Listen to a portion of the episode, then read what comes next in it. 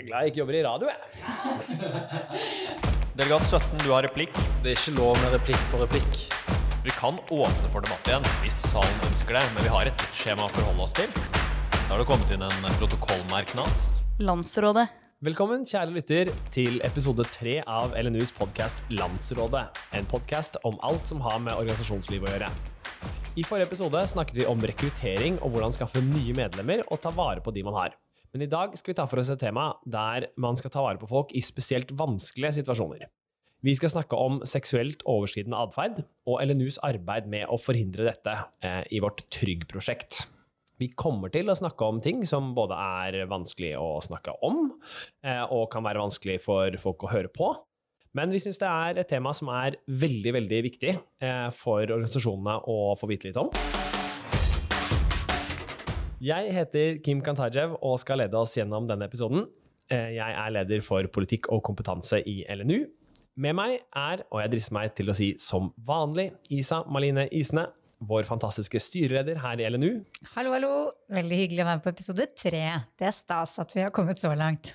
Som gjest i dagens episode har vi med oss Ane Maus Sandvik. Hun er organisasjonsrådgiver, kursholder og vår absolutt fremste ekspert på trygg. Velkommen, Ane. Hei, hei. Hyggelig å være her. Dagens tema er altså trygge organisasjoner. Og hvis noen skulle være i tvil, dette er noe av det viktigste arbeidet man gjør. Vi snakker her om et utbredt problem. 23% av alle ungdommer har blitt utsatt for en seksuell krenkelse før fylte 19 år. Det er et problem for alle kjønn, men er spesielt utbredt blant jenter, der 30% har opplevd en seksuell krenkelse, mot 11% for gutter. Og da snakker vi om alt fra eh, grove saker som overgrep til de litt mer alvorlige seksuelle trakasseringssakene. Mer enn halvparten av overgrep begås av jevnaldrende, og de fleste blir utsatt for handlinger av folk de kjenner. Dette er ifølge tall fra NOVAs undersøkelse Ung vold fra 2017. Ane, hva er egentlig en trygg organisasjon? Ja, jeg stiller jo alltid det spørsmålet på kurs, og da får jeg ganske mange fine svar, men som har liksom samme essens. Folk sier stort sett at en trygg organisasjon det handler om at alle skal føle seg inkludert, alle skal føle seg trygge, rett og slett, i organisasjonen sin. Da kan man ikke ha noen former for rasisme, homofobi, sexisme, men man kan jo heller ikke ha seksuelle overskridende atferd, seksuell trakassering og overgrep. Og det tenker jeg jo også at det er det en trygg organisasjon er. Så er det selvfølgelig kanskje litt utopisk. Eh, Jeg tror ikke det fins noen organisasjoner som er helt, helt trygge, men det er likevel det man må jobbe mot, da. Hvordan vet man om man er en trygg organisasjon? Det, man vet det ikke ved å tenke sånn Vi har ikke hatt noen varslingssaker noensinne, derfor er vi en trygg organisasjon. Det er kanskje et dårlig tegn. For da er man en organisasjon hvor folk ikke sier fra når de opplever ting. Eh, men hvis man får inn en del saker, og folk føler seg komfortable med å varsle, da tenker jeg man er en trygg organisasjon. Hvis man har en god kultur hvor det er positivt å varsle.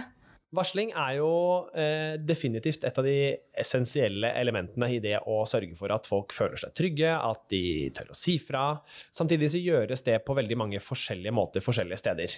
Eh, hva er på en måte rådene dine til hvordan man skal håndtere det med varsling i praksis? Hvordan gjør du det hvis du skal varsle om noe uønsket? Ja, jeg tenker du må, du må ha en klar rutine på hvordan man sier ifra. Det må være tydelig for alle medlemmene. Hvem er det jeg skal si ifra til, og hva kan jeg si ifra om? Eh, og da varierer det litt fra organisasjon til organisasjon. Noen er små. Det er logisk at alle går rett til generalsekretær, f.eks. Noen er litt større. Kanskje går man til en lokal tillitsvalgt først, som så hjelper deg å si fra til generalsekretær. Men jeg tenker jo at det til syvende og sist skal til et sentralt ledd som skal håndtere sakene. Jeg tror kanskje ikke alle er helt sikre på hva man bør varsle om. Vi har jo et tryggopplegg her i LNU, eh, der jeg vet at eh, du har brukt mye dilemmakort, som, de, som vi kaller det. Hvis vi tar utgangspunkt i ett av de, eh, og nå leser jeg bare fra det, fra det kortet. De siste ukene har jeg mottatt flere ubehagelige snaps med seksuelt innhold av lederen i lokallaget. Jeg syns det er veldig ekkelt. Hva kan jeg gjøre? Eh, Før vi går på selve casen, kan du si litt om hva de dilemmakortene er, og hva, hva slags funksjon de har? Ja, det er veldig fint sånn kursmateriell som vi bruker nettopp for å diskutere ja, vanskelige dilemmaer. Det sier seg selv. Ting som kanskje ikke alltid har ett riktig svar, eller som har et litt ja, svar som er vanskelig å komme fram til. Eh, så pleier jeg å dele inn i grupper på kurs, man får ulike dilemmakort, og så diskuterer man først i gruppene. Og så tar vi det i plenum etterpå. Og det er en fin måte å bli klar over, eller lære seg i praksis, da, sin organisasjon sine varslingsrutiner. Det uh, varslingskortet som, uh, som, jeg nå siterte fra eh, Hvis du antar at Isa og jeg nå, vi er, vi er kursdeltakere, hvordan ville du gått fram for å prøve å grave litt i, i varslingssaken? Da ville jeg først spurt sånn Hva slags type situasjon snakker vi om her? Hva tenker dere det her er, å få ubehagelige snaps med seksuelt innhold? Hva tenker du, Isa? Det er så mange ting som dukker opp i hodet da, ved en sånn situasjon. Fordi det er sikkert mange som tenker at det her er kanskje ikke alvorlig nok til at jeg skal melde det videre. Fordi da blir det en enda, blir det enda mer en enda større sak, og da blir det enda mer liksom, surr. Og det orker jeg ikke. Samtidig som det er veldig ubehagelig, spesielt når det er en leder da, som gjør det, som du ikke føler at du kan si fra til. Mm. Og, eller det er ubehagelig uansett hvem det er som sender ubehagelige snaps, men spesielt da når det er en i en maktposisjon over deg. Um, ja, så hvordan, hvordan, man skulle håndtert det, det er kjempevanskelig, da. Enig at det er veldig, og det, det handler om makt her òg, sånn som du sier med den lederen. For jeg tenker at dette er tydelig seksuell trakassering, ikke sant. Det er på en måte definisjonen, nesten. Altså seksuell trakassering er uønska seksuell oppmerksomhet som har som formål eller virkning å være krenkende, ubehagelig osv. Og, så og her står det jo svart på hvitt ubehagelige snaps med seksuelt innhold. Mm. Og seksuell trakassering det er mye som på en måte påvirker hvor kjipt det oppleves, hvor vanskelig det er. Og det med makt, da, veldig viktig faktor. Mm. At her er det faktisk en leder som trakasserer. Og det gjør det kanskje mer alvorlig. Noe av liksom, hovedutfordringen med en gang det er en leder involvert, er at det er jo gjerne den personen man går til for å diskutere hvordan skal jeg håndtere dette. Og så er jo det, Vi skal komme litt tilbake til det, men det er klart det er, det er et ekstra ansvar med en gang man er leder, for å tenke gjennom hvordan det er. Og, og, det blir mye vanskeligere å si fra når det er en leder involvert. Men vi er jo inne på noe her som er interessant bare med samtykke, da. ikke sant? For det kan jo hende og det er det kanskje noen som tenker også, at jeg trodde at dette her var uh, snap som vi sendte til hverandre, som var hyggelig og gøy. Eh, jeg visste ikke at det var ubehagelig for den personen å få disse ubehagelige bildene, eller at hun karakteriserer det f.eks. som ubehagelig, men mm. jeg antok ikke at det var ubehagelig. Det er jo også en veldig vanskelig dilemma. Absolutt. Men det tror jeg man må huske på at seksuell trakassering er nettopp uønska seksuell oppmerksomhet. Det er den som mottar det, da som får lov til å definere er det greit, er det kanskje til og med flørting, eller er det ikke greit, er det seksuell trakassering? Mm. Og her virker det jo som hen som mottar disse meldingene, syns det er ubehagelig og er trakasserende. Det er jo også eh og dette er basert utelukkende på anekdotiske bevis fra medier som liker å blåse opp saker, men det kan jo virke litt som om at eh, en del avsendere av seksuelt innhold tenker at samtykke eh, At stillhet er litt samtykke. Sånn at eh, Jo, men jeg fikk ingen klager på det jeg sendte, eh, sånn at det må jo ha vært greit. og så skjønner man kanskje ikke at Men det er bare er en god del som ikke kommer til å si fra.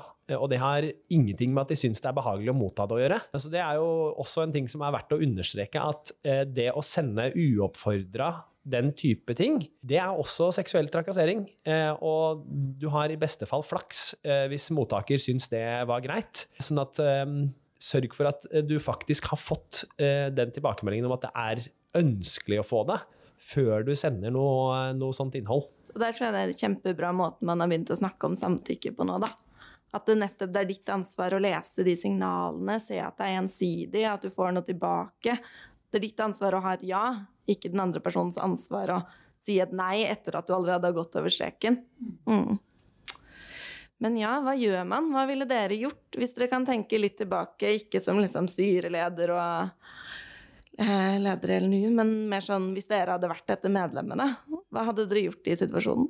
Nå har jeg vært på en del kurs, da, så jeg ville tenkt nærmeste leder, og hvis ikke nærmeste leder, så lederen over der igjen. ville vil jeg gått til. Ja, jeg også har jo uh, vært innom noen kurs på dette, og, og, jeg vet jo på en måte at det riktige svaret er at det fins nivåer over som man kan og bør snakke med. Og så vet jeg jo allikevel at det hadde vært vanskelig å gjøre det, fordi du tenker at det du gjør, er å, er å eskalere en, en sånn Det som nå bare er ubehagelig for meg, blir plutselig ubehagelig for flere. Men det er jo kanskje litt det som, som er med dette med varsling, er at det kanskje ikke At vi må tenke på det som ikke noe som er å eskalere en konflikt. Absolutt. At det er, ikke, det er ikke du som er kjip som sier fra og skaper dårlig stemning. Her har det blitt skapt dårlig stemning, at noen har trakassert deg. Du bare sier ifra om det. Det tenker jeg er veldig viktig å snu den, da. Ja, for det er en slags bevisbyrde der som vi liksom egentlig plasserer på den som varsler, istedenfor den som egentlig har gjort at det er en som føler seg i en posisjon hvor en må varsle det. Men jeg tenker også på det der med Det er ikke sikkert man kjenner så godt lederne i, på nivået over. Lokallagslederen er jo på en måte en person man kanskje har hengt mye med, eh, vært på møter med, man har hatt lokale aktiviteter sammen, ikke sant. Så den kjenner man jo kanskje relativt godt og ville vært liksom lettere å varsle til hvis det hadde vært en eh, på samme nivå eh, i lokallaget f.eks. Men når det blir lokallagslederen og du må på fylkesnivå eller sentralnivå, så kan det bli veldig langt unna der du er da, i liksom din situasjon. Og det tenker jeg for det første man har et ansvar som tillitsvalgt på høyere nivå for å gjøre seg tilgjengelig. Si tydelig og klart 'jeg er en person det er ok å komme til'. Jeg vil at noe, altså, Hvis du opplever noe kjipt i vår organisasjon, si ifra til meg. At man rett og slett er et sånn trygt forbilde da, som folk tør å komme til. Men så tenker jeg litt sånn, hvis dette hadde vært meg da, i dilemmaet, som hadde mottatt disse meldingene, så tror jeg først ville gått til en venn i organisasjonen. Fått hjelp og støtte fra noen jeg kjenner godt. Det kan være noen på samme nivå, på en måte. Og så få hjelp av den personen til å gå til fylkesleder, eller kanskje rett til generalsekretær. Men vi, eh, litt sånn kort oppsummert, altså én ting eh, som jeg tror er viktig å få understrek, understreka her, er at eh, det er Det å varsle er en ting som er helt Det er viktig å liksom normalisere det å varsle. Og som du sa veldig godt, Isa, at det er ikke sånn at det er den som varsler, som er på en måte problemet. Det er ikke den som har eskalert noen konflikt, det er ikke den som har gjort noe galt. Sånn at det å varsle i seg selv er en ting som du skal ha lav terskel for å gjøre. Og så er det viktig at da tillitsvalgte er tilgjengelige, at de sørger for at, eh, at man er åpen for å motta det. Og, og så tror jeg bare for å understreke det, jeg tror det ligger implisitt i det du sa, Anne, men eh, for å understreke det, da må man ta det på alvor. Altså det er veldig viktig at da blir det behandla ordentlig. For, bare, eh, for de som hører på her, er jo organisasjonsfolk. Hva er det som eh, skal til for at organisasjonen er god til å behandle når det først kommer inn? Hva er det som kreves for å være en, liksom en god organisasjon på å håndtere sånne ting? Har du lyst til å si litt om det, Anne? Ja, da må man være føre var, da. Man må ha de retningslinjene og rutinene på plass. Eh, ikke lage dem når det kommer en sak og man står midt oppi masse greier. Det er viktig å ha det på plass på forhånd. Og da må du ha tydelig ikke sant? hvem er det som skal motta dette varselet. Hvordan mottar vi varsler i vår organisasjon? Hvem er det det skal gå videre til? Hvilket organ skal behandle varslingssaker hos oss? Er det et eget varslingsutvalg? Er det arbeidsutvalget? Det fins ulike modeller som funker helt fint, men man må ha en gruppe som har et mandat, da, som har mulighet til å ilegge noen sanksjoner. Eh, og så må man ha god prosess når man håndterer selve varselet. Er det også noe liksom knytta til hvor mange som bør håndtere et sånt varsel? Jeg tenker jo umiddelbart at eh, det kanskje bør være ganske få. Mm. Jeg tenker det er viktig at man ikke trekker inn for mange. At man har Si et varslingsutvalg som består av en ansatt, generalsekretær og leder, f.eks. Tre stykker er en helt fin størrelse på den gruppa. Og så sier man at hvis du er uenig med den, det vedtaket vi gjør i varslingsutvalget, kan du anke det til sentralstyret. Eh, For da hindrer man at det er sentralstyret som må behandle det, som i utgangspunktet er mange mennesker, og at man f.eks. anker til landsstyret, eller kanskje enda verre landsmøte. At du må stå som varsler og forklare deg foran et helt landsmøte. Det går ikke. Jeg bare forestiller meg en sånn situasjon hvor det er en som varsler, og så blir ikke den personen noe fornøyd med den behandlingen en har fått da, av det varslingsutvalget. Anker videre til sentralstyret, fortsatt ikke fornøyd med sentralstyrets vedtak, og anker videre anke videre. Er det noe organisasjonen kan gjøre for at det kanskje ikke skjer? Eller, og det her er jo et dilemma også fordi at det, eh, det med varsling kan være så vanskelig på så mange nivåer, men hvis hele organisasjonen plutselig er involvert i å skulle håndtere én spesifikk varslingssak, så kan jo det bli veldig, veldig vanskelig for organisasjonen som helhet. I tillegg til at det selvfølgelig alltid er vanskelig for den som varsler, det. Ja, av, altså, som du sier, av hensyn til alle involverte, både den som har varslet, men også den det er varslet om, så er det fint om så få som mulig får vite om det. At man holder det konfidensielt så langt det er mulig. Og da ville jeg bare hatt én ankeinstans, jeg. Det er AU eller det er varslingsutvalget som behandler det. Er du enig, så kan du anke saken til sentralstyret. Og så er det punktum. Og så kommer det jo an på vedtektene. ikke sant? Skal man gjøre en eksklusjonssak? Kanskje man må ha muligheten til å anke til landsstyret, f.eks. Men da kan man si at man kan ta saken i anonymisert form i landsstyret dersom de involverte ønsker det. At man legger inn sånne muligheter, da. Og selvfølgelig at man bevisstgjør de organene som behandler dette, på deres taushetsplikt. Ja, for det er eh, et punkt som er verdt å, å si, eh, si, til alle som, som, er opptatt av denne problematikken, at det at man lager gode systemer for varsling, det handler jo i første omgang om å sørge for å ivareta varsler, og sørge for at det skal være lett og mulig å, å, varsle. Men det systemet, det å ha det på plass og det å sørge for at det er gode rutiner for det, er jo også for å ivareta den det blir varslet om.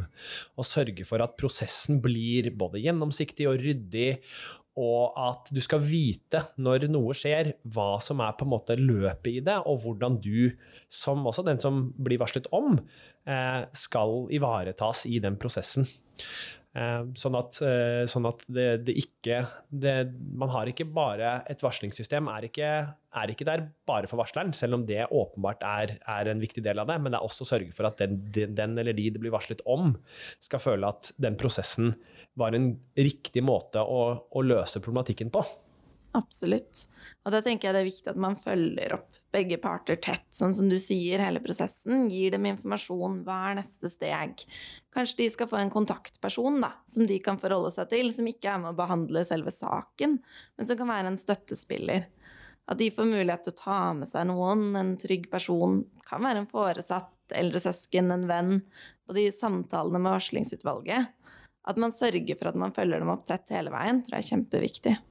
Og så er det ikke også viktig her å skille mellom måte, det som er brudd på eh, etiske retningslinjer i organisasjonen, eller eh, brudd på det man Eller at liksom, når man opplever ubehag knytta til noe et annet medlem gjør, så er det én ting, men lovbrudd er jo noe helt annet, selvfølgelig. Og da skal jo organisasjonen etterforske hva som har skjedd, men da er det viktig å gå til politiet eller noen som faktisk jobber med reelt reelle lovbrudd, da.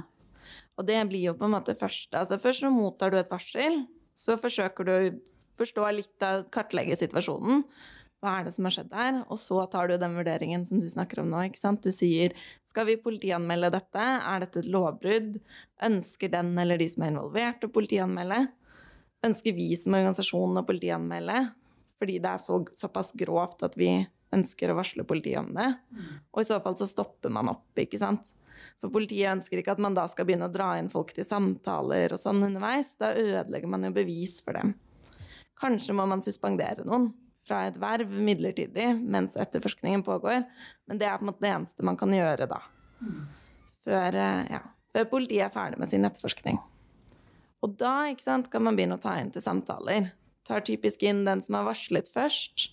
Så får hen Fortelle ordentlig om det som har skjedd, hvordan henne har opplevd det. Kanskje tar man inn noen andre som vet noe om saken. Kan være andre som sitter i styret, som har lagt merke til ting, eller ja. Her er det en balanse. Man skal ikke ta inn for mange mennesker, for man vil ikke inkludere for mange i organisasjonen, men de som kan ha noe nyttig å si. Og kanskje fins det noen, kanskje det noen screenshots av noen meldinger, noe som er relevant for saken, som man kan se på først. Og så, da, apropos å ivareta den det er varslet om også, når man har kartlagt alt dette og har det konkretisert, hva er det egentlig dette handler om, da tar man inn den det er varslet om til samtale. Sånn at den personen slipper å grue seg i mange uker eh, og bli sagt ja, 'nå har vi en sak, vi kaller deg inn om tre uker', liksom. Men ja, vi vil gjerne snakke med deg i overmorgen, vi har fått inn varsler på disse og disse punktene. Og så skal den personen få lov til å forklare sin side av saken på alle de konkrete tingene. Det har kommet inn varsler. Og så etter det, så tar man en beslutning. Eh, og tenker er dette, har dette vært et brudd på våre retningslinjer? I så fall, hva slags type reaksjon eller hva slags type sanksjon er det vi skal ilegge her? Og så er man ikke ferdig, for da må man fortsette å følge opp partene etterpå. Ja, det er en viktig del som kanskje mange glemmer. At man liksom ikke er ferdig med saken bare fordi man har fattet et vedtak. Det er noen mennesker involvert også. Ja.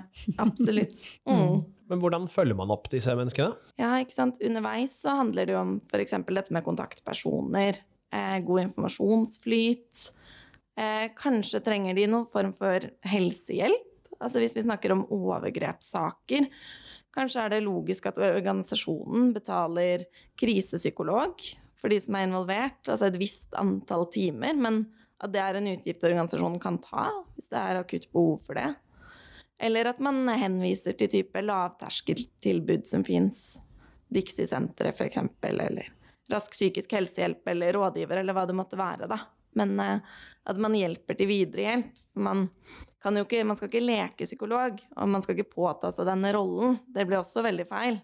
Men man må hjelpe folk til å få den hjelpen de behøver. Og så i etterkant så tenker jeg det handler om å tilrettelegge og vise at ja, vi ser deg, hva er det du har behov for? Hvordan kan du fortsette å være aktiv hos oss etter denne saken? Hvis det, hvis det er aktuelt, da. Jeg har liksom um, snakket mye om i organisasjonslivet hvem man skal legge til rette for dersom man ender opp med at her er det på en måte ikke noe grunnlag for at man kan fatte noe vedtak, egentlig. Det er en som varsler, men vi har ikke noen måte, bevistilførsel som sier at det har egentlig skjedd, og det er vanskelig for organisasjonen å gjøre noe med det. Og hvem er det man skal ta hensyn til da? Skal man ta hensyn til den som da er på en måte ansett som den svakeste part, altså den som varsler, eller den det er varslet mot, selv om man ikke har noe bevistilførsel på liksom, eh, at den det er varslet mot, har gjort noe.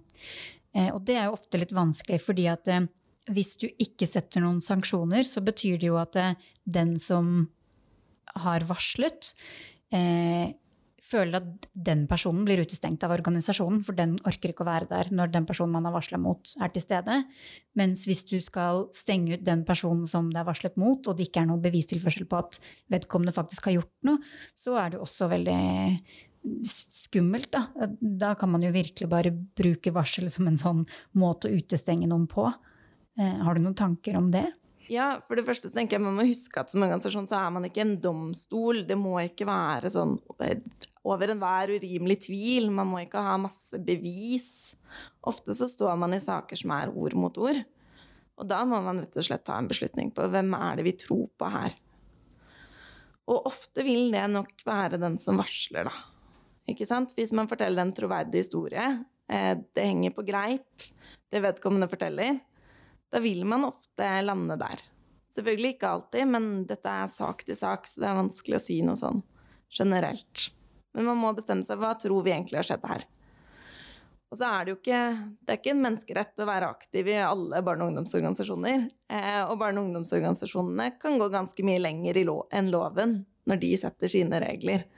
Så for eksempel mobbing, ikke en del av straffeloven, eh, men ikke akseptabel oppførsel i en organisasjon. Det er lov til å si 'nå har du mobbet, du får dessverre ikke lov til å være aktiv hos oss lenger'. Jeg tror mange tenker veldig sånn 'Å, her er vi. Å, det må være masse bevis, og vi må på en måte vite 100% sikkert hva som har skjedd', og, og det er ikke alltid det går. Så tenker jeg stort sett det er den utsatte man skal ta mest hensyn til. Men man må av og til så finner man løsninger som funker litt for begge. Og det er kanskje ofte de sakene hvor den det er varslet om, hvor det ikke er snakk om veldig høy alvorlighetsgrad, og den det er varslet om, er veldig lei seg og har sagt 'unnskyld, det var kjipt gjort, jeg burde ikke gjort det', kanskje man kan klare å tilpasse. Kanskje man kan si 'du får ikke delta på disse og disse aktivitetene', eh, for der er hen, der, hen som varslet, skal være der, men du kan delta her og her, og det er på en måte greit. Men selvfølgelig, da snakker vi lav alvorlighetsgrad.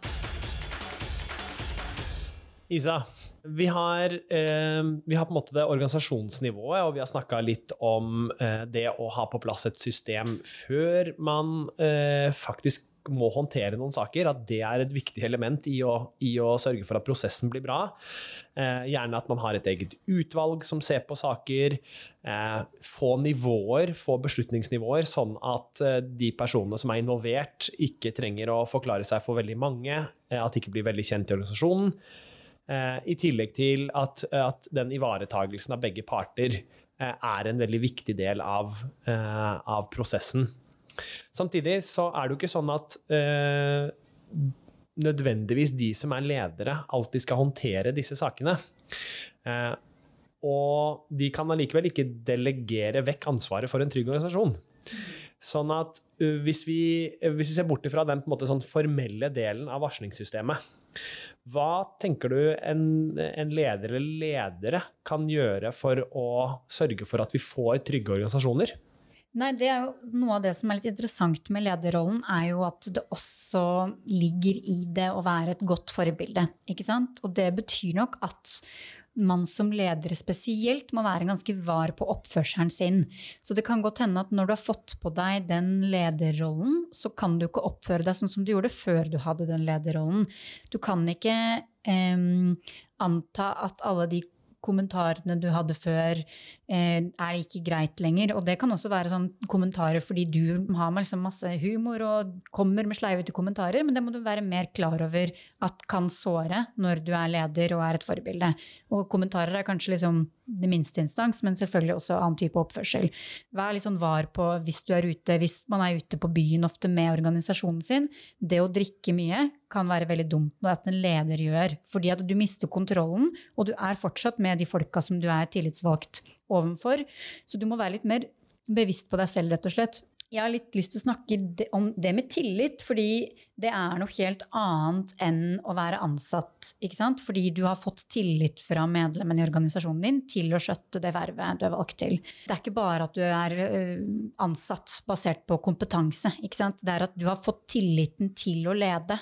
Og det med tillit er at det er ikke noe du kan kreve. Det er noe du har, og så kan du miste det.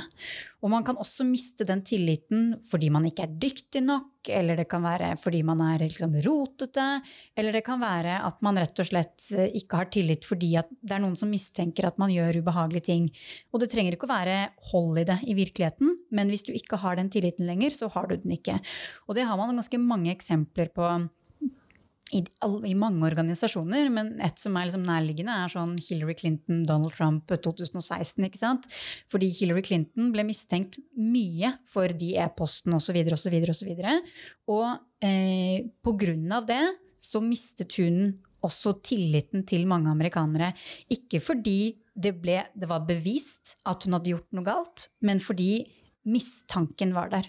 Og det tror jeg man skal være ganske forsiktig med. At det er ikke, en organisasjon er ikke et rettssystem. Du er ikke uskyldig til det motsatte er bevist. Og når du er tillit, så er du i hvert fall ikke uskyldig til det motsatte er bevist. Men du har den tilliten som du hele tiden må bevise at du er verdig på et vis. Og den kan du også miste.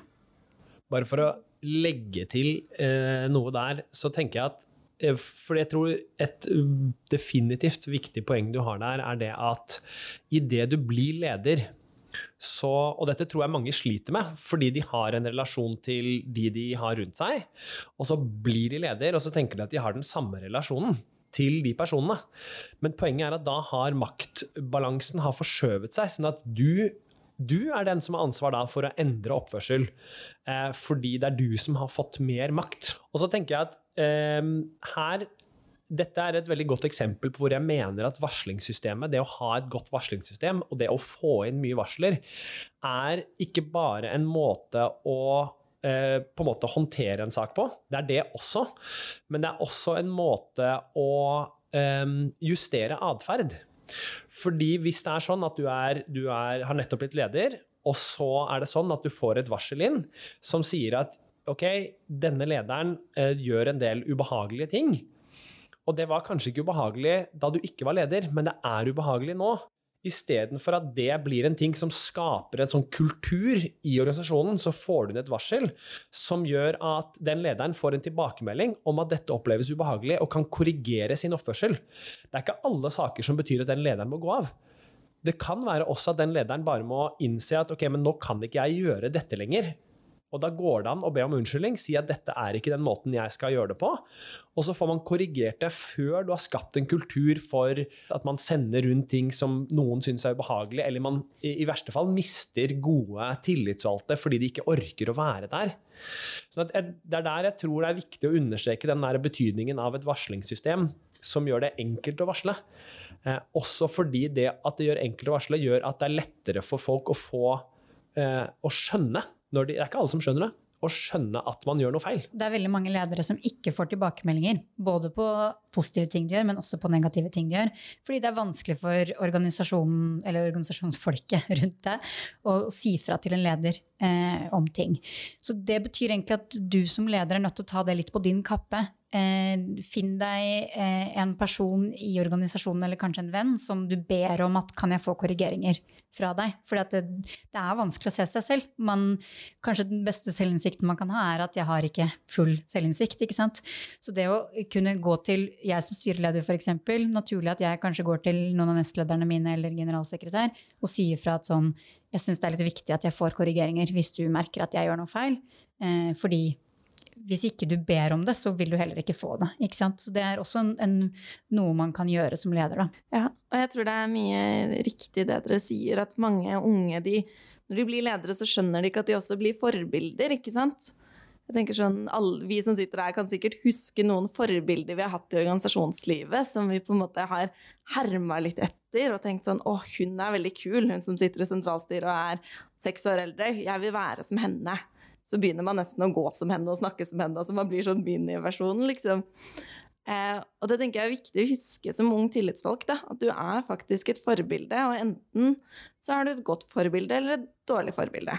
Men du kan ikke velge bort å være et forbilde.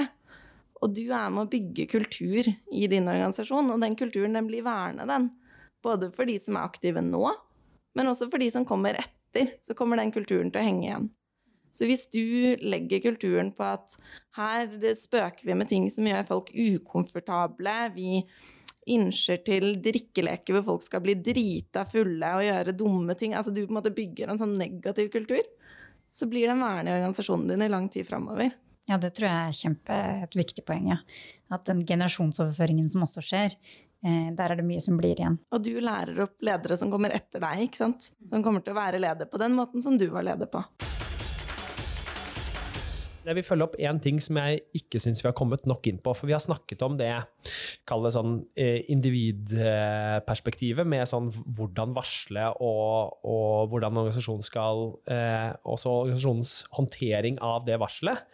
Men det er et sånt eh, mellomnivå her med det å ikke, bare, ikke være den som varsler, men den som mottar et varsel. Ehm, for det første så er det litt interessant da, å høre hva et varsel er for noe. Eh, for det har vi faktisk ikke sagt. Eh, og litt om hvordan du tenker at det, er, hvordan det skal håndteres fra de som mottar det. Jeg tenker at Et varsel det er veldig mye forskjellig. Og det er viktig å snakke om, det pleier vi å snakke om på kurs òg. At et varsel det er ikke bare sånn noen som har fylt inn et formelt skjema og liksom underskrevet på det og skannet det og sendt det inn, på en måte. Eh, et varsel det er at noen sier fra om noe som er kjipt. Noe som er ubehagelig. Noe som på en eller annen måte kan bryte med organisasjonen sine retningslinjer. Så et varsel er alt fra at jeg sier til Isa at 'å, jeg hadde en litt ubehagelig opplevelse i går på det møtet', til at man forteller om et overgrep som har skjedd, på en måte. Eh, så et varsel er veldig mange forskjellige ting. Og et varsel kan nettopp skje på forskjellige nivåer, da, sånn som du sier. Og som oftest, eller veldig ofte, så varsler man til noen som er typ på fylkesnivå, på det mellomnivået. For det er de man kjenner, det er de man eh, omgås, eh, og det er de man føler seg trygg på å varsle til. Og da er det veldig viktig at de kan motta varsler, at de vet hva de skal gjøre. Jeg tenker Hvis noen kommer til deg med noe sånt da, som, ja, som dette med disse ubehagelige snapsene med seksuelt innhold, da må man for det første reagere på riktig måte. Ikke sant? Man må klare å skape en trygg ramme for den samtalen. Det som ofte skjer, er jo at noen kommer bort til deg og sier du, det er en ting jeg lurer på om jeg kan snakke med deg om, um, men du må love å ikke si det til noen. Og det er jo det første. Ikke lov å ikke si det til noen. Fordi man må huske at man har en varslingsplikt, og man skal varsle videre. Da skal man ikke si 'det kan jeg ikke love, vi kan ikke snakke sammen', men si du, det kan jeg ikke love, for hvis du forteller meg noe som kanskje bryter med organisasjonen vår sine retningslinjer, så må jeg kunne si ifra til generalsekretær om det. Men jeg lover at jeg skal holde det fortrolig. Jeg skal ikke si det til masse folk. Jeg skal bare varsle opp til det ene leddet som behøver å få vite om dette. Så det er jo det første, da. Ikke lov å holde det hemmelig. Og så må man vise at man tror på og anerkjenner det personen forteller. La dem snakke ut. Man kan selvfølgelig vise empati, men ikke la dine egne følelser få fokus. Eh, la følelsene til den som forteller, få fokus. Og ikke trekk det i tvil, for det er jo ikke du som skal undersøke om dette stemmer. Så ikke begynn å si 'Å ja, men jeg trodde at dere flørtet', og 'Han er jo sånn, han liker jo bare å tulle, du tror ikke du tar litt på vei nå'? Ikke si det.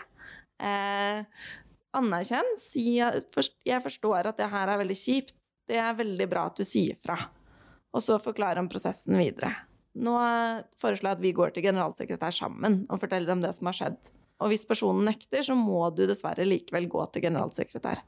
Men det beste er jo om dere kan gå sammen. Jeg tenker Det folk frykter mest, det er å ikke bli trodd. ikke sant? Det var jo veldig mange under metoo også som slet med liksom hvordan de skulle håndtere varsler generelt. At det, I LNU også så fikk vi mange uh, som meldte inn at nå har vi fått et varsel, og vi aner ikke hvordan vi skal gjøre det. Liksom, kan du liksom si noe klokt om hvordan unge folk skal håndtere så mye informasjon som også kan være ganske tungt og vanskelig å, å ta inn over seg? Der tenker jeg det er litt det varslingsutvalget eller sentrale leddet sitt ansvar igjen. Da. At hvis en fylkesleder kommer og sier ja, hun og hun har fortalt meg om et overgrep som skal ha skjedd i forbindelse med organisasjonen, eller et eller annet, så må også den som har blitt varslet til, ivaretas. For det er sterkt altså, å høre på andres opplevelser på den måten. Eh, og jeg tror unge tillitsvalgte også strekker seg ofte litt for langt. De vil gjerne være den psykologen som fikser dette problemet, som er der hele tiden. Og det er en for tung rolle å ta. Eh, det er jo rett og slett en psykologjobb. Det er ikke noen tillitsvalgte som skal ta den eh, jobben. Så det tenker jeg også er viktig at man har tydelige rammer for hva er ansvaret til en tillitsvalgt som mottar en beskjed. Jo, lytte, anerkjenne, fortelle videre til eh, den man skal varsle til. Ikke etterforske selv, eh, ikke ta saken på egne skuldre, ikke være en psykolog. Men da må man ha tydelige retningslinjer i organisasjonen. Og det må være et ønske om at man varsler videre. Man må ikke føle at nå ødelegger jeg for organisasjonen min eller for partiet mitt hvis jeg varsler videre, for da blir det en sak. Det kommer til å svekke omdømmet vårt. Man må ha en sånn positiv varslingskultur.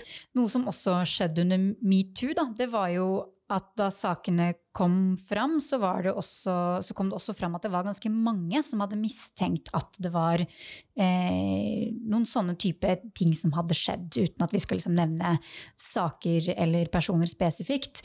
Men hva skal man gjøre da, når man liksom aner at her er det et eller annet som skjer, eller at man har hørt et rykte, eller man ser noe som er litt sånn mistenksomt? Skal man gå rett til nærmeste leder og, og sladre, liksom, eller, er det, eller skal man bare stå og se på? Ja, jeg tenker man absolutt skal gå og varsle, og igjen det som vi snakket om i stad, å varsle, det er så mye, da. En mistanke, det er grunnlag for å varsle. Og så får de i varslingsutvalget finne ut er det hold i denne mistanken, eller er det ikke det. Eh, og hvis det ikke er det, så går det helt fint. Heller si ifra ti ganger for mye enn én en gang for lite, tenker jeg. Men igjen så er det ledelsens ansvar, da. Det er de som må si tydelig fra vi ønsker at dere varsler. Ikke si i vår organisasjon har vi ingen saker, for da blir du den ene personen som lagde den saken, da. Si i vår organisasjon ønsker vi at folk sier fra hvis de opplever kjipe ting. Uavhengig av politisk uenighet eller konflikter mellom personer, si ifra, og så skal vi håndtere sakene på en ordentlig måte. For det tror jeg nok kanskje var problemet i mange av disse organisasjonene under metoo. da. Man hadde ikke det ønsket om å si ifra, eller det var ikke kommunisert. Så folk følte at ja, hvis jeg sier fra, så blir jeg bare beskyldt for å sverte den personen, og han er så godt likt, og ja. Og apropos personer og politisk kampanje og sånn. altså I våre organisasjoner så er jo alle demokratiske. Det betyr at man må velge mennesker. Eh, og hva så da hvis man varsler mot noen som stiller til valg? Det er jo et dilemma som mange organisasjoner nok står overfor, og som vi også har hørt om litt i avisene den siste tiden. Det er mange valgkomiteer ikke sant, som mottar varsler. Og da tenker jeg for det første, man skal ikke trekke det i tvil. Det er ikke sånn 'nå er det for seint å varsle'. Fordi man varsler jo nettopp fordi man tenker 'denne personen burde ikke ha et tillitsverv'. Jeg vet om ting, jeg har ikke turt å si ifra om det før.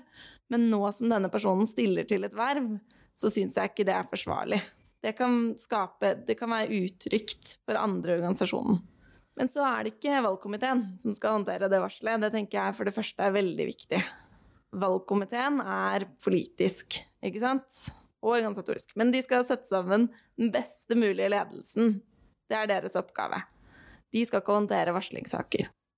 Så hvis valgkomiteen mottar et varsel, så bør de ta det videre til varslingsutvalget eller arbeidsutvalget. De som faktisk skal håndtere varselet. Og så får de håndtert varselet, og så gir de tilbakemelding til valgkomiteen. Enten vi fant ikke hold i disse varslene, så dere må gjerne innstille vedkommende, eller denne personen skal ikke ha tillitsverv i vår organisasjon. For da blir det ryddigere, og da tar man det på en måte ut av det politiske spillet, ikke sant? Men det er mange som også sier sånn ja, det er dårlig timing på varselet, liksom, fordi eh, da virker det som det er sverting av de personene som stiller til valg. Eh, men som du sier, da, så er det jo egentlig mer kanskje å få opplyst at de personene som stiller til valg, der er det kanskje ting som gjør at de ikke bør få den tilliten. Det handler, som du snakket om i stad, om man er verdig den tilliten eller ikke. Og det er tøft å varsle, altså. Det er tøft å snakke om kjipe ting man har opplevd. Særlig fra en tillitsperson som man, ja, som man hadde et nært forhold til, kanskje, som man hadde tillit til. Det er ikke sånn at man kan forvente at man forteller om det dagen etter det har skjedd. Av og til så tar det lang tid, og det må være helt greit. Tusen takk. Jeg syns det var eh, en god og oppsummerende betraktning. Jeg tør ikke driste meg ut på en, eh, helt, en hel oppsummering av dagens diskusjon, men en ting som jeg syns er i hvert fall eh, noe vi, vi, burde få understreket flere ganger, er at det er veldig viktig å få en kultur for det å varsle. Det å ha lav terskel for å varsle, og det å ikke behandle varsel som en ting som må Det må ikke være bare de mest alvorlige sakene som eh, varsles om. Eh, både for de som varsler, at det skal være enkelt å gjøre, men også for organisasjonskulturen og det å bygge en kultur rundt det å lære og det å sørge for at alle kan føle seg trygge. Tusen hjertelig takk for eh, besøket, Anne. Det har vært eh, veldig hyggelig å ha deg her. Hvis du vil lære mer om trygge organisasjoner, prøve dilemmakort, sjekke kursene våre eller lese mer om eh, temaene, så finner du ressurser og veiledere på trygg.lnu.no. Det er også mulig å melde seg på kurs og bli trygg ambassadør, eh, hvis man ønsker det, for din organisasjon. Da sier vi takk for i dag. Landsrådet er LNUs podkast om alt som har med organisasjonslivet å gjøre, og skal hjelpe våre organisasjoner med å bli enda bedre organisasjoner så de kan bli enda bedre på å gi barn og unge en meningsfylt fritid. Innspill til andre temaer dere ønsker at vi skal ta opp på podkasten, kan sendes til landsrådet at lnu.no. Episoden er produsert og redigert av Kristin Juel Bergfløtt og Sverre Eikel. Med meg i studio har jeg hatt Isa Maline Isne. Jeg heter Kim og Linn Vetland Kantarjev, og på vegne av oss her, tusen takk for denne gang, og på gjenhør.